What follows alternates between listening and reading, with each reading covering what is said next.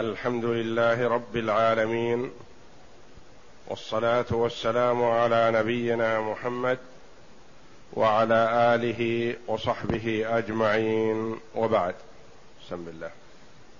بسم الله الرحمن الرحيم. الحمد لله رب العالمين والصلاة والسلام على أشرف الأنبياء والمرسلين نبينا محمد وعلى آله وصحبه أجمعين.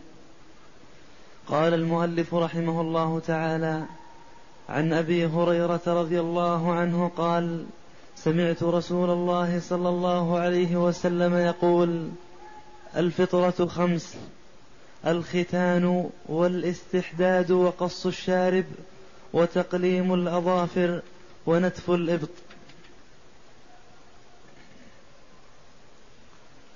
هذا الحديث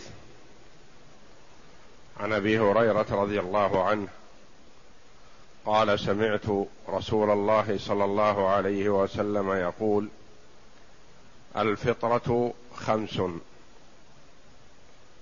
الختان والاستحداد وقص الشارب وتقليم الأظفار ونتف الإبط. هذا الحديث أخرجه البخاري رحمه الله في أبواب وكتب متعددة كما أخرجه مسلم في كتاب الطهارة ومالك وأحمد وأبو داود والترمذي والنسائي وابن ماجه وابن حبان والحميدي وابو عوانه والبيهقي وابن ابي شيبه. كل هؤلاء الأئمة رحمهم الله أخرجوا هذا الحديث فهو حديث صحيح اتفق عليه الشيخان ورواه أهل السنن والمسانيد.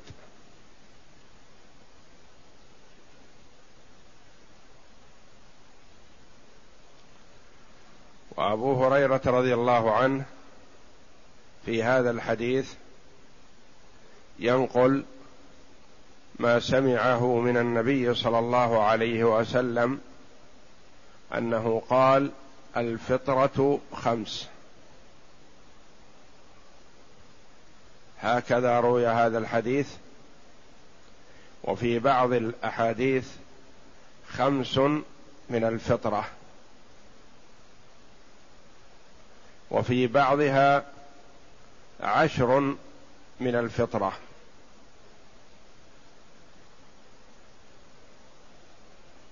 قال العلماء رحمهم الله في توجيه هذا إما أنه صلى الله عليه وسلم بين الخمس ثم بينها على أنها من الفطرة. ثم بين العشر. وأنه عليه الصلاة والسلام يخاطب على قدر الحاجة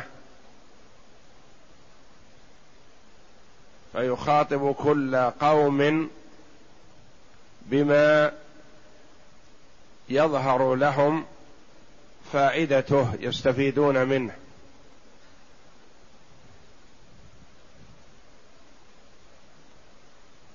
أو أن العدد لا مفهوم له كما هو مقرر عند الأصوليين. فإذا قيل خمس فمعناه لا يخرج ما زاد عنها. فليس للحصر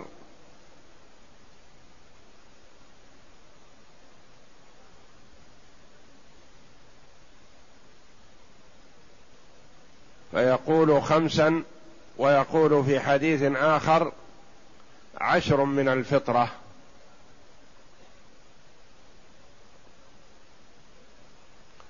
والفطرة تطلق ويراد بها أمور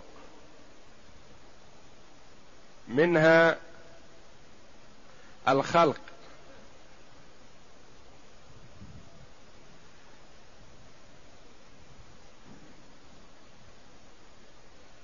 فاطر السماوات والأرض خالق السماوات والأرض.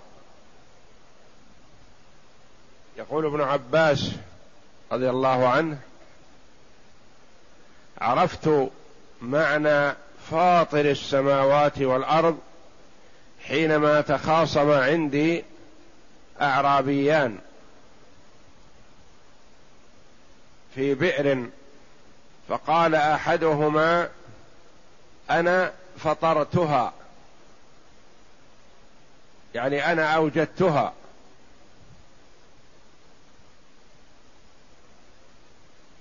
ففاطر بمعنى خالق. والفطرة بمعنى الخلق. وتطلق على معنى الجبلة. والطبع الذي خلق عليه الإنسان. وتطلق على معنى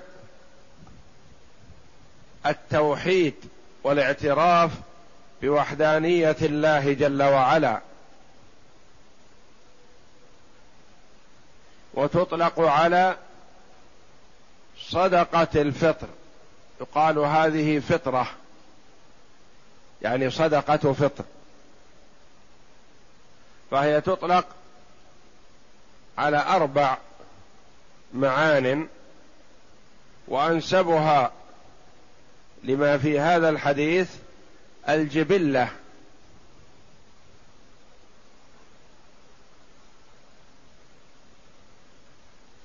الفطرة أي الجبلة الحسنة التي جبل الله طباع الناس عليها.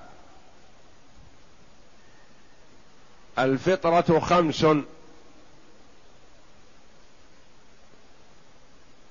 وقد تطلق على السنة والمشروع بصرف النظر عن كونه واجب أو مستحب. الفطرة خمس أو خمس من الفطرة ثم بينها فقال الختان. والختان هو قطع القلفة في رأس الذكر. وقطعها طهارة ونظافة وصحة لأن القلفه هذه إذا لم تقطع بقي شيء فيها شيء من البول.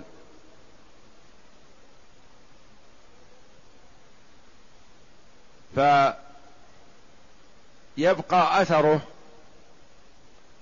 فتلوث المكان وتسبب له الآلام والجروح والحكة من الوساخة والنجاسة ثم إنها قد يبقى شيء من البول فلا تكمل الطهارة. فقطعها يجعله لا يبقى شيء من البول ويبقى الموقع نظيف بعد الاستنجاء بعد الاستنجاء أو الاستجمار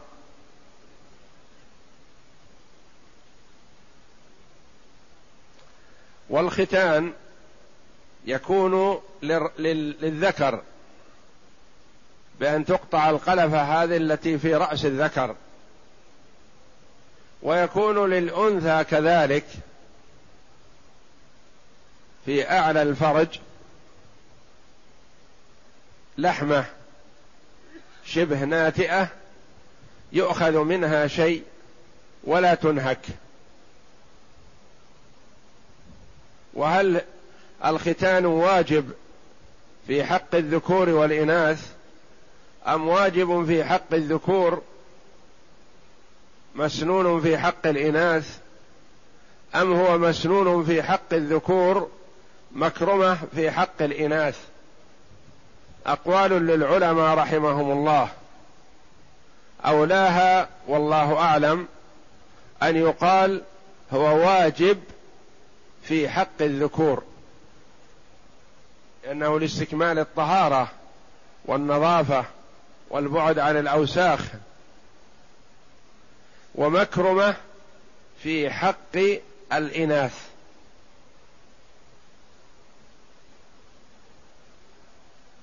يعني تخفيف للشهوة عند المرأة بأخذ شيء منها. ولا ينبغي أن تنهك لأنها ربما تنعدم الشهوة. فإذا بقيت كانت الشهوة أكثر. ورغبة المرأة في الزوج أكثر. وإذا أخذ منها شيء خففت وإذا أنهكت ضعفت. فقالوا إنه مكرمة وحسن في حق الإناث وواجب في حق الذكور. والجمهور على أنه مستحب في حق الذكور.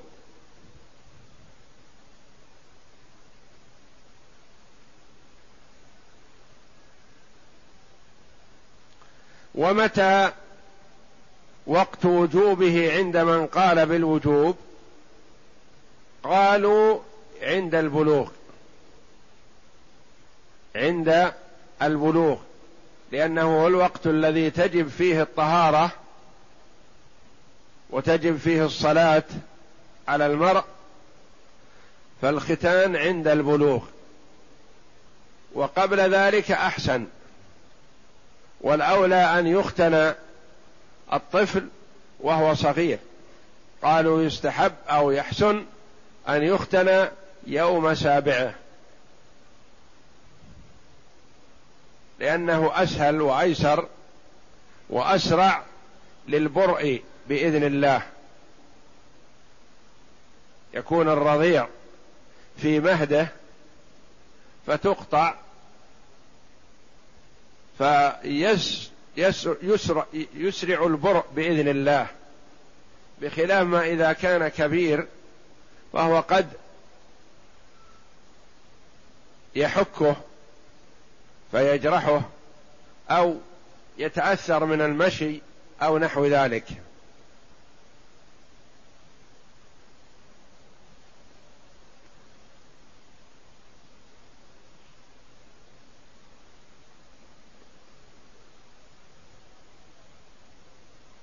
وبعض الناس في بعض الجهات يسلخون الذكر وما حوله من العانة ويعتقدون أن هذا هو الختان وهذا خطأ وجهل وإضرار بالمرء.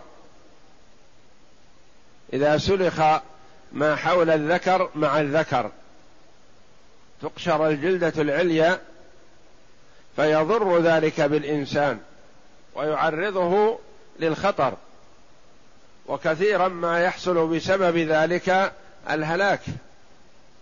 يهلك عدد من الناس بهذا الختان بهذا الفعل وليس هذا بختان شرعي.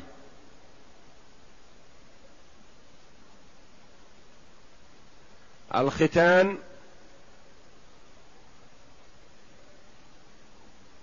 الثانية الاستحداد. والاستحداد إزالة شعر العانة بالحديد يعني بالموسى.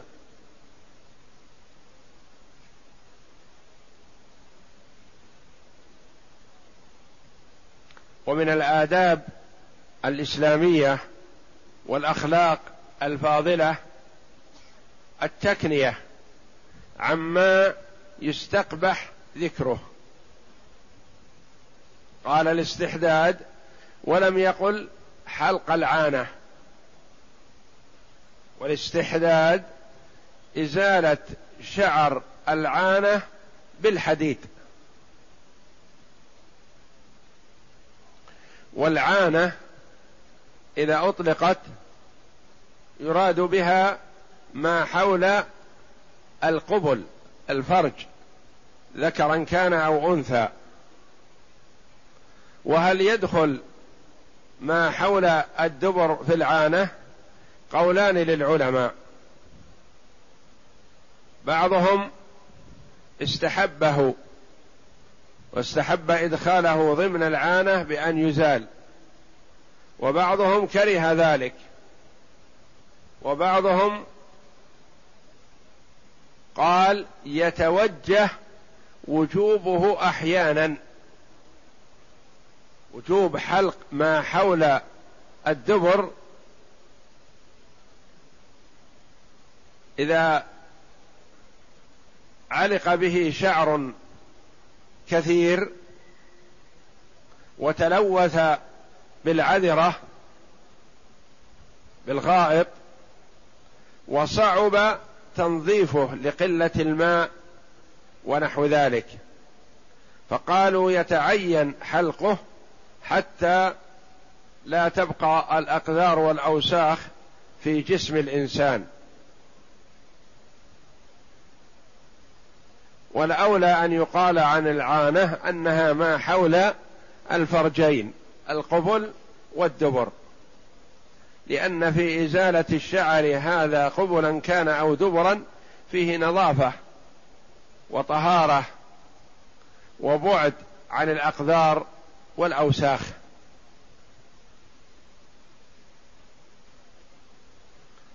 والاستحداد عند الحاجة إليه عندما يكثر الشعر. وقد نقل بعض الصحابة رضي الله عنهم أن النبي صلى الله عليه وسلم وقت لهم ألا يتجاوزوا فيه أربعين يوما. فيحسن إزالته قبل أو في حدود الأربعين يوما ولا يتجاوز ذلك لأنه يكثر.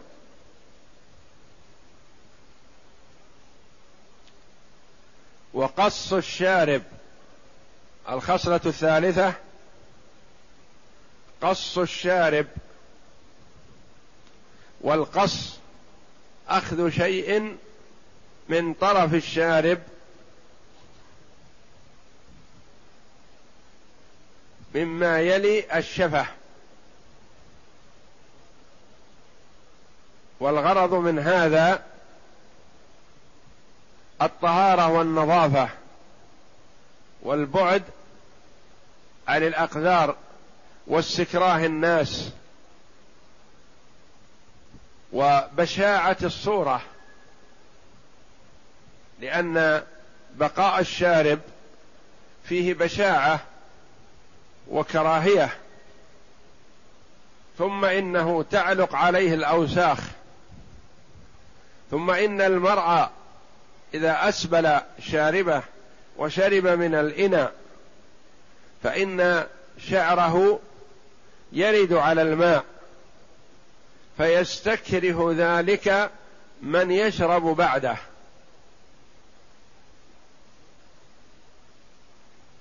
ورد في أحاديث إحفاء وإنهاك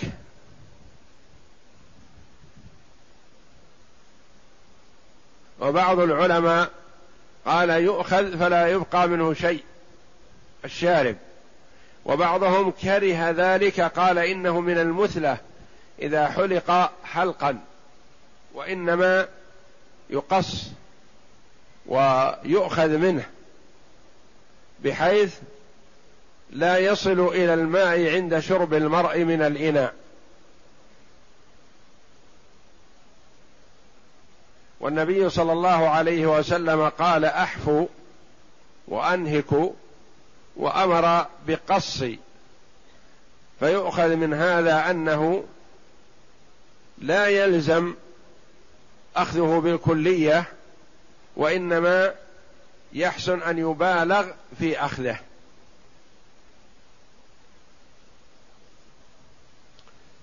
ونقل عن ابن عمر رضي الله عنهما أنه كان يأخذ من شاربه حتى تبدو البشرة.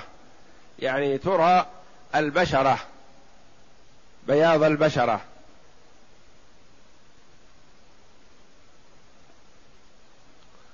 وقد دخل على النبي صلى الله عليه وسلم مجوسيان ارسل من قبل كسرى وقد أطالا شواربهم. وحلقوا لحاهم فكره النبي صلى الله عليه وسلم منظرهما فقال ما هذا؟ قال بهذا أمرنا ربنا. فقال عليه الصلاة والسلام لكن ربي أمرني بإعفاء اللحية واحفاء الشارب أو كما قال صلى الله عليه وسلم. فاللحية تعفى وتكرم. والشارب يحفى ويقص وينهك.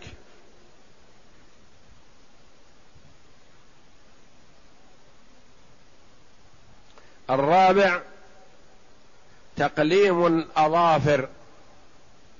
رؤيا الأظافر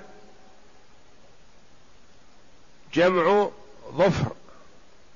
والمراد بها أظافر اليدين والرجلين وتقليمها أخذ القلامة منها الذي هو طرفها الطرف الميت الذي لا يؤذي ولا يوجع أخذه. وأخذه من النظافة ولاستكمال الطهارة لأنه ربما تراكمت الأوساخ عليه فمنع وصول الماء إلى البشرة. إذا كان الظفر طويل وتراكم الوسخ منع وصول الماء إلى البشرة. ثم إذا أكل المرء بيده وفي أظافره الأوساخ أكل شيئا من هذه الأوساخ ونزلت في الطعام فأثرت عليه وعلى من أكل معه. فمن النظافة والطهارة تقليم الأظافر.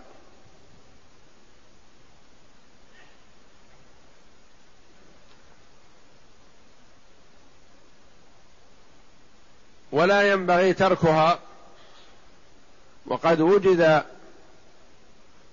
بعض من يتركها تشبها بالغرب والإفرنج.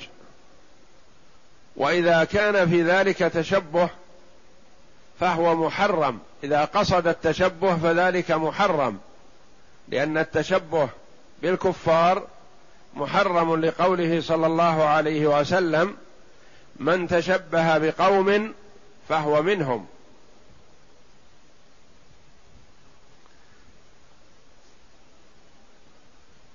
وينبغي تعاهدها إذا لم يقلمها تعاهد ما تحتها من مما يتراكم من الأوساخ فلا يتركها تبقى. ونتف الإبط الخامسة مما ذكر في هذا الحديث نتف الإبط. والإبط معلوم هو ما تحت الكتف. ويوجد فيه الشعر فإذا تكاثر الشعر عرق وتراكمت الأوساخ عليه من العرق والغبار فيصبح له رائحة كريهة فيكره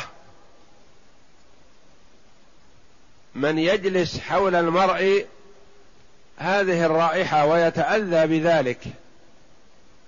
فأمر المسلم بأن يكون دائما على أحسن حال وأطيب ريح ويحرص على إزالة الروائح الكريهة التي تؤثر عليه. فلذا أمر الرسول صلى الله عليه وسلم بنتف الأبط لئلا يكون له رائحة كريهة. فبعض الناس إذا عرق أو اهتم لأمر من الأمور فاح لابطه رائحة كريهة مستقذرة يتأذى بها من حوله. فيتعاهد هذا بالتنظيف وبإزالة الشعر الذي عليه.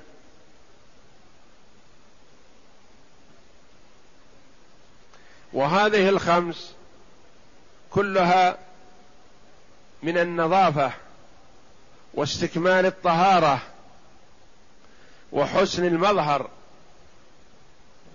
والبعد عن الأقدار والأوساخ. فالشريعة الإسلامية جاءت بكل خير ونهت عن كل شر. ما أمرت إلا بما فيه الخير. وما نهت إلا عما فيه الأذى والوسخ والشر. وانظر في هذا الحديث إزالة ثلاثة شعور من البدن. وفاوت النبي صلى الله عليه وسلم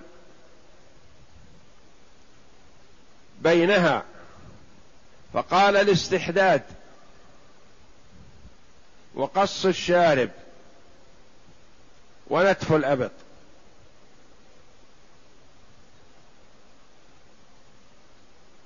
العانة تزال بالموسى والشارب يقص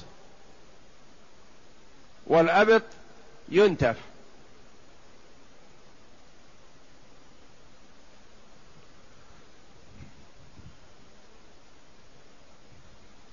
الشارب يقص لئلا يطول ولئلا يصل إلى الإناء. والعانة تزال بالموسى. والأبط ينتف نتف. لما فرق بينها؟ نعم. الاستحداد لا شك أنه يكثر الشعر. اولا يقضي عليه نهائيا بالموسى لكنه يتكاثر وينمو. بخلاف النتف فالنتف قد لا يقضي عليه نهائيا وهو يضعف الشعر. ولكون الأبط كثيرا ما يتراكم عليه العرق طلب له الشيء الذي يضعف الشعر ولا يجعله يقوى ويتراكم. بخلاف العانة فالعانة تكاثرها لا يؤثر لأنها ليست مأوى للعرق ويسهل إزالتها بالحديد كالموسى ونحوه. فالأفضل يزال كل شعر بما ورد في الحديث. إلا مع عدم القدرة أو ما يؤدي الغرض من هذا كإزالة العانة مثلا بالنورة أو بالأدوية التي تزيلها. وكذلك الأبط لو أخذ حلقا فلا بأس بذلك. لكن الأفضل نتفه لمن قدر على ذلك. فروي عن الشافعي رحمه الله أنه دخل عليه داخل وهو وعنده رجل يحلق إبطه. فقال للداخل الحلق النتف هو الأفضل لكن لا أطيقه. يعني فيه حرارة وفيه ألم. فلو أزال الشعر الذي في الأبط بالحلق مثلا أو بدواء ونحوه فلا بأس بذلك لأن الغرض إزالة الشعر وينبغي الحرص على ما لا ينمو معه الشعر. وكذلك العانة إذا أزيلت بغير الاستحداد بالنورة أو بالدواء أو بمرهم أو نحو ذلك أو نتف باليد أو نتف بغير اليد كبعض الأشياء التي تعالج بها العانة مما يصنع لتنتف به الشعر فلا بأس بذلك. قال بعض العلماء الأولى للرجل في العانة الاستحداث لئلا يتكاثر الشعر.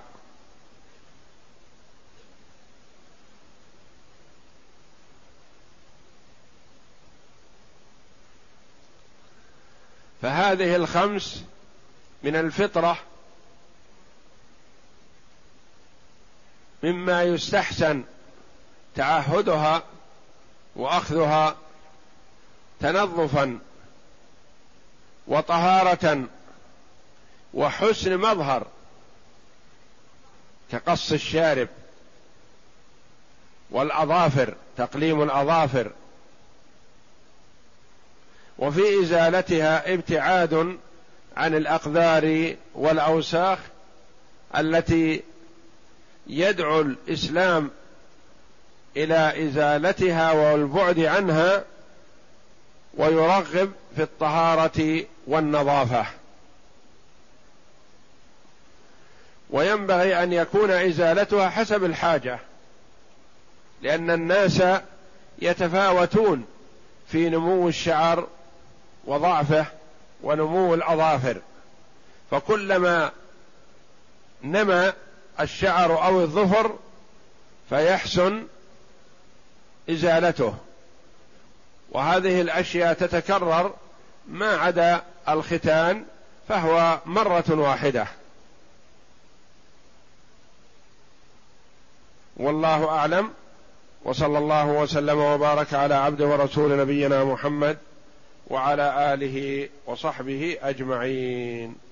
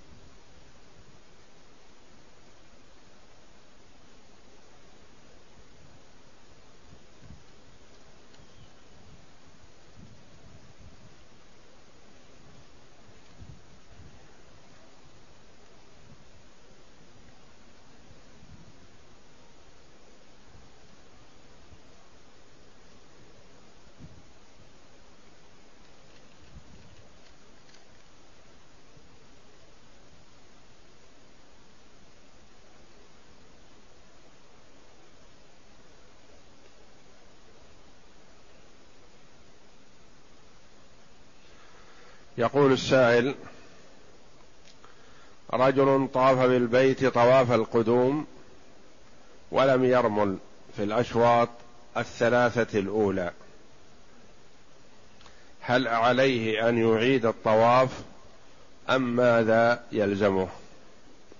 الجواب طوافه صحيح ولا يعيد الطواف ولا يلزمه شيء.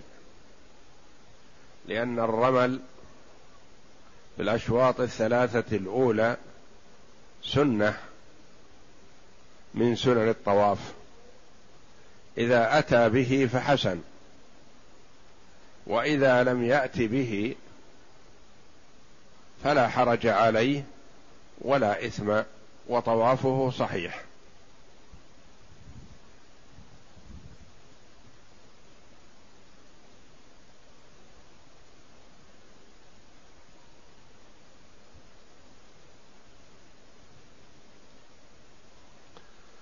يقول رجل أراد الجهاد في سبيل الله وعليه دين لا يقدر على تسديده فهل هذا جائز؟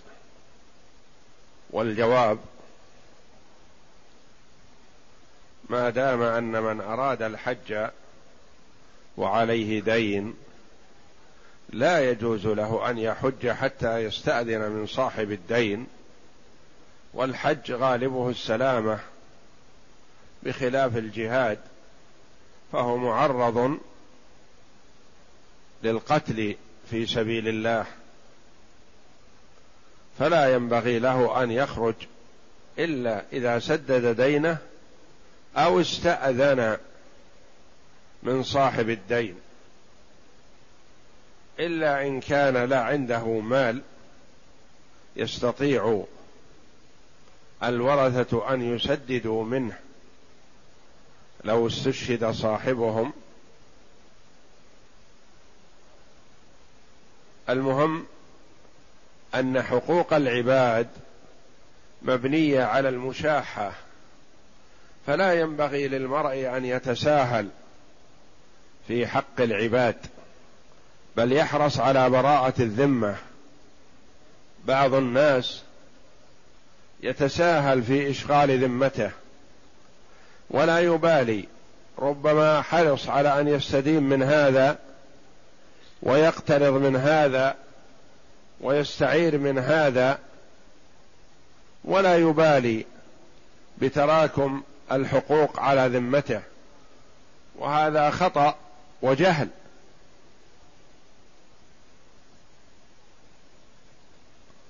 فقد قال النبي صلى الله عليه وسلم إنه يغفر للشهيد عند أول قطرة من دمه. ثم استدرك صلى الله عليه وسلم فقال إلا الدين. أخبرني بذلك جبريل آنفا. فالدين لأنه حق لعبد من العباد.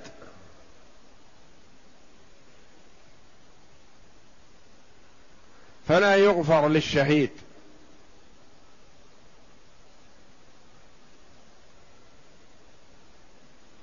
وهذا إشعار منه صلى الله عليه وسلم بأهمية حقوق العباد والحرص على براءة الذمة.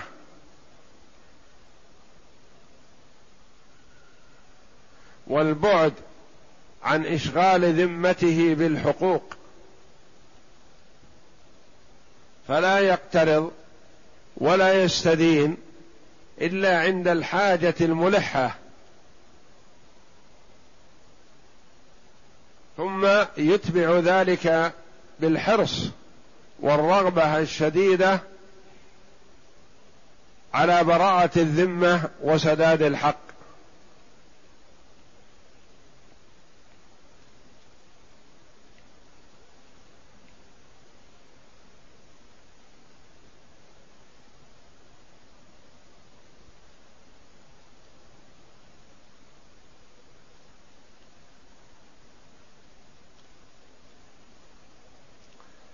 يقول السائل هل يجوز جمع غسل الجمعة وغسل الجنابة بعد صلاة الفجر يوم الجمعة أم يغتسل كل غسل على حدة؟ الجواب الأغسال والاغتسالات تتداخل فإذا كان عليه غسل واجب وأراد أن يغتسل غسلا مستحبا فإذا نوى الاثنين معا حصل له بشيء واحد بغسل واحد. كغسل يوم الجمعة مستحب على رأي الجمهور وغسل الجنابة واجب. فإذا نواهما بغسل واحد أجزأه ذلك.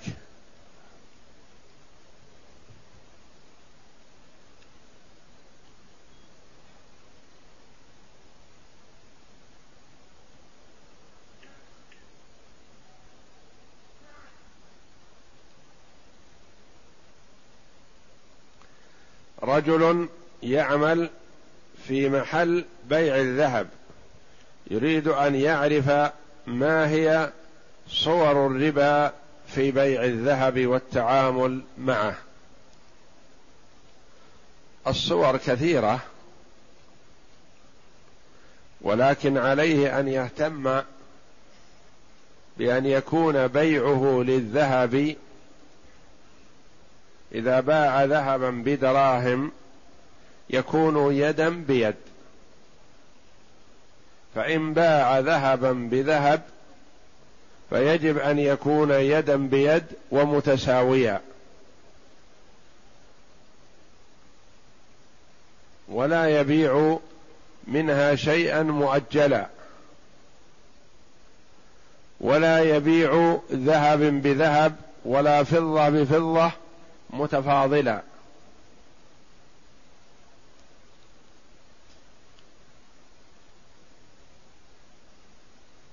وإذا كان مع المرء ذهب قديم يريد استبداله بذهب جديد فمن المعلوم أن صاحب الذهب لا يعطيه وزن القديم ذهبا جديدا. فالإجراء الشرعي أن يبيع الذهب القديم بدراهم يستلمها في المجلس. ثم إن شاء أن يشتري بهذه الدراهم ذهبا جديدا من صاحب هذا المحل أو من غيره. فلا يجوز أن يكون مشروط بأن لا تشتري إلا منه.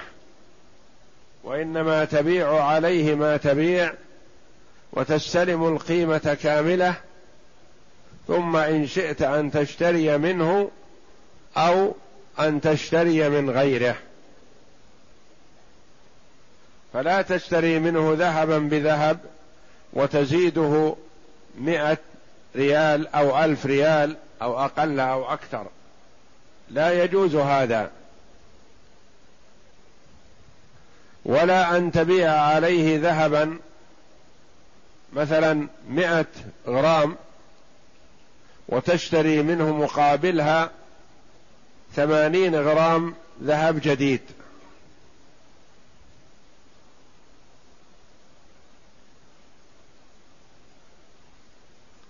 فالذهب بالذهب يشترط في بيعه وشرائه شرطان.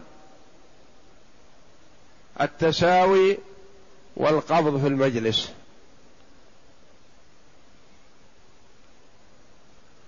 وبيع الذهب بالفضة يشترط فيه شرط واحد وهو القبض في المجلس. فلا يجوز أن تبيع مثلا ذهبا بألف ريال تستلم من القيمة خمسمائة على أن يحضر الخمسمائة الأخرى غدا أو بعد غد. هذا لا يجوز. فلا تتفرقا وقد بقي لأحدكما على الآخر شيء.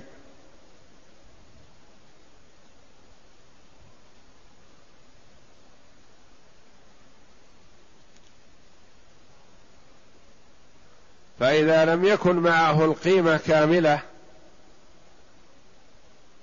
فإما أن لا يتم البيع تنتظر في تمام البيع حتى يحضر القيمة.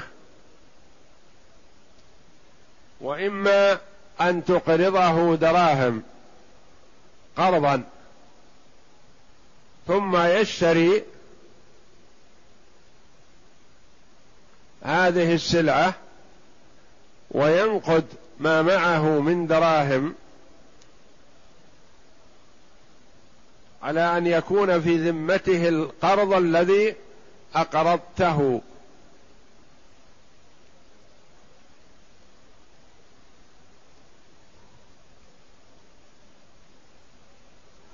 والصور الجائزة كثيرة والممنوعة كثيرة. لا يمكن حصرها. فعلى المرء أن يسأل عن الصورة التي يحتاج إليها في بيعه وشراءه.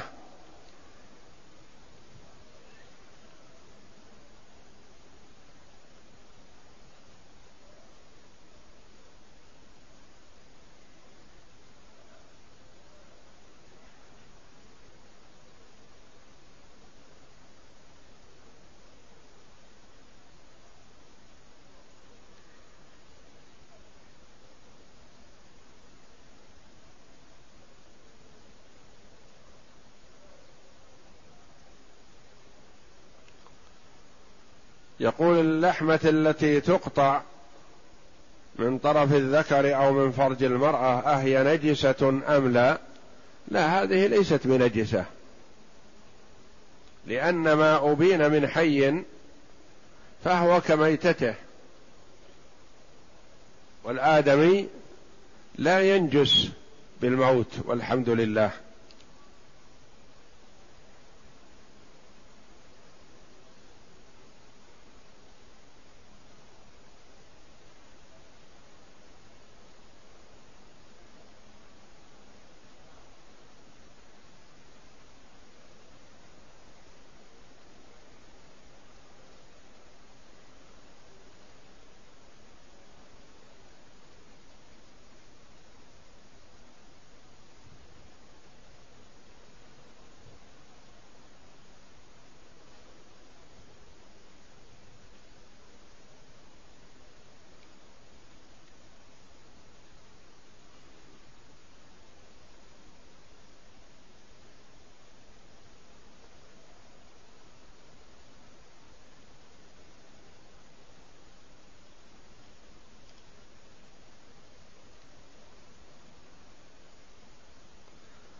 رجل عاهد الله الا يعود إلى المعصية ثم عاد ثم عاهد الا يعود ثم عاد.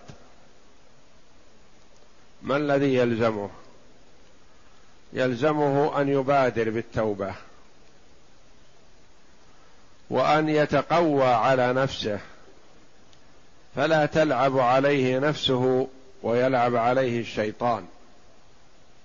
ويسهل له المعصية. بل يجاهد نفسه ويمنعها من المعصية ويبادر بالتوبة الصادقة إلى الله جل وعلا. فإذا تاب فالله جل وعلا يتوب عليه.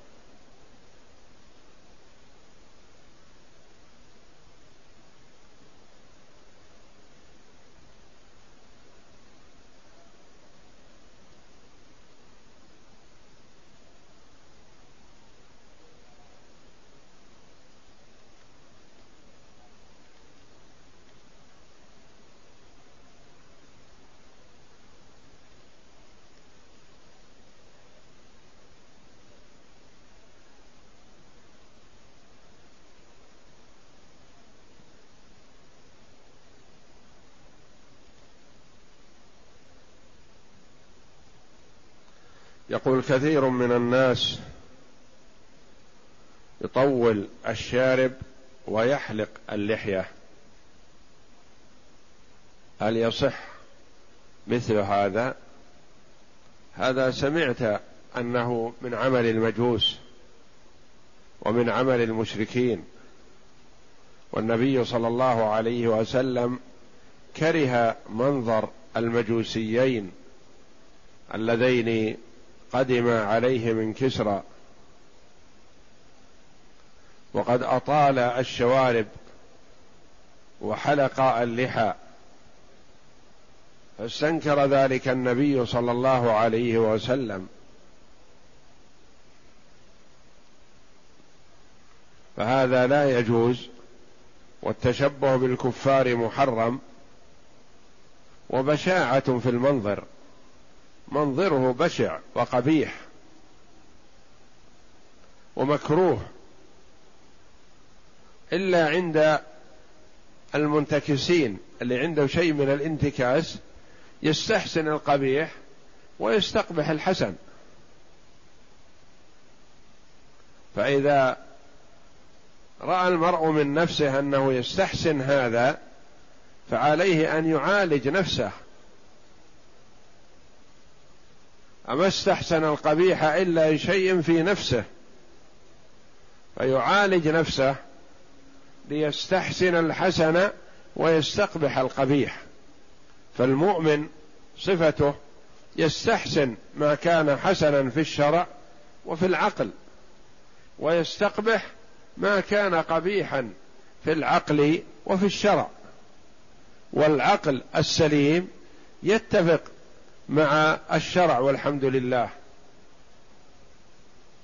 ما جاء شيء في الشرع مأمورا به واستقبحه العقل أبدا.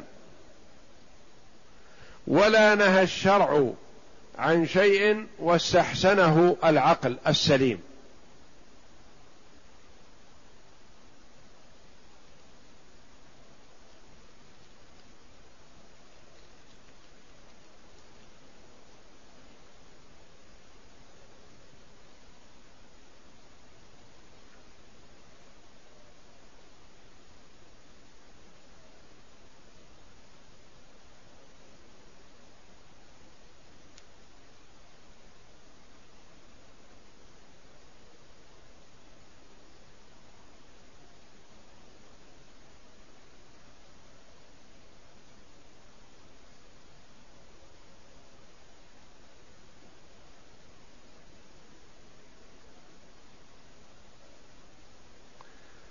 ما حكم من توضأ ثم علق به نجاسة فهل ينتقض وضوءه أم لا؟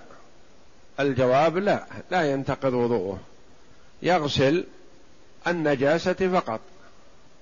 مثلا توضأ وتوجه إلى المسجد فعلق برجله نجاسة أو بيده أو أصابته في أي موطن من بدنه فيغسل أثر النجاسة وطهارته بحالها.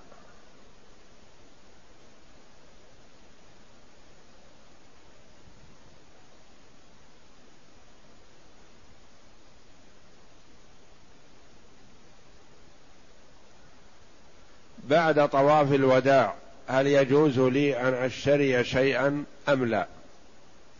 الجواب نعم بعد طواف الوداع تشتري ما تحتاجه لنفسك أو لأهلك وعيالك لا حرج في ذلك. وإنما قال العلماء رحمهم الله لا يشتري شيئا للتجارة. فإذا كان من اشتريته لغير التجارة فلا بأس بذلك. ولا يحسن أن يشتري شيئا للتجارة.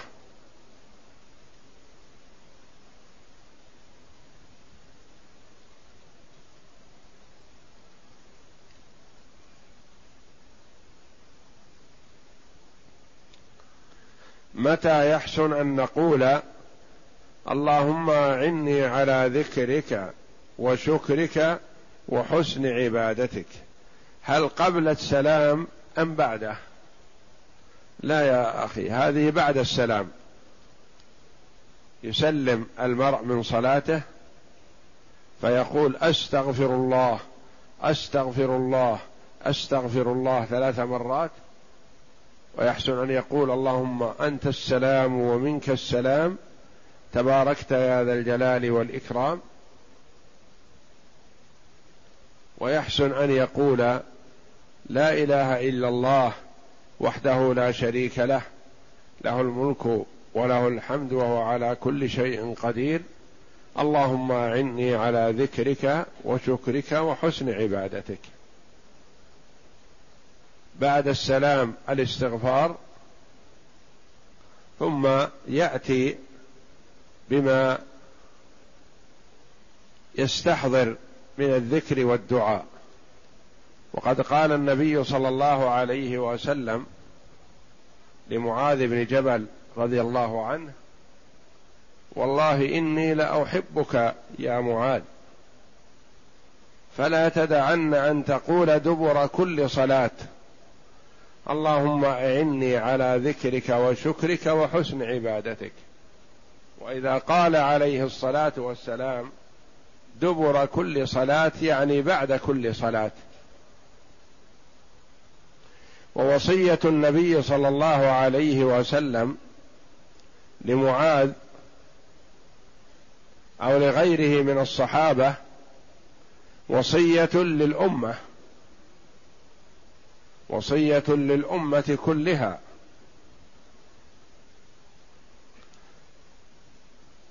وينبغي للمرء إذا سمع وصية النبي صلى الله عليه وسلم لأحد الصحابة أن يأخذ بها ويحرص عليها كأنه هو الموصى بها خصيصا.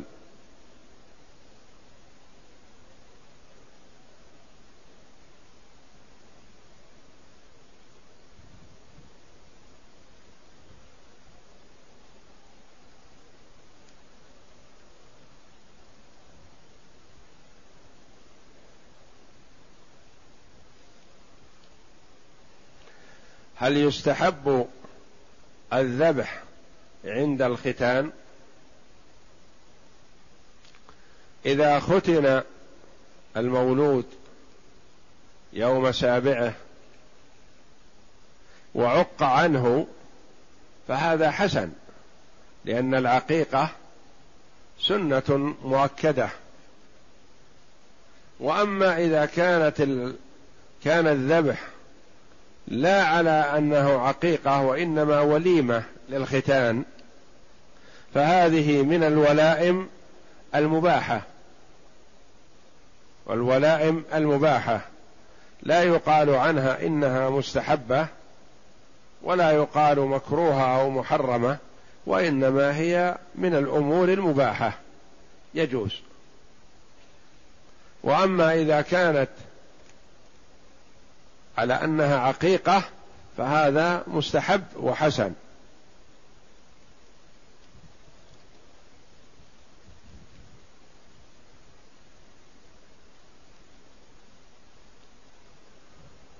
يقول في آخر الطواف هل يشار إلى الحجر الأسود؟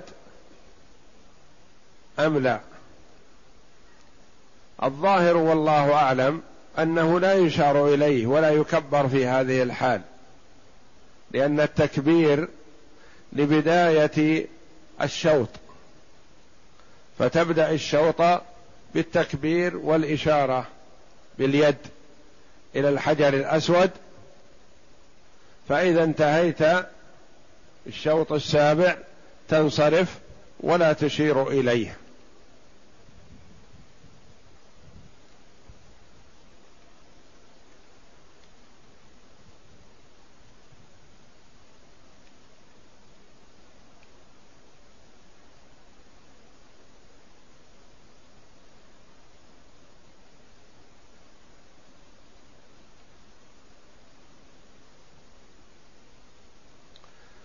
يقول بعض النساء في كثير من الأسواق تكشف وجهها ويديها عند بعض الأجانب أصحاب المحلات وعندما ترى من تعرفه أو تظن أنه يعرفها تقوم بالحجاب.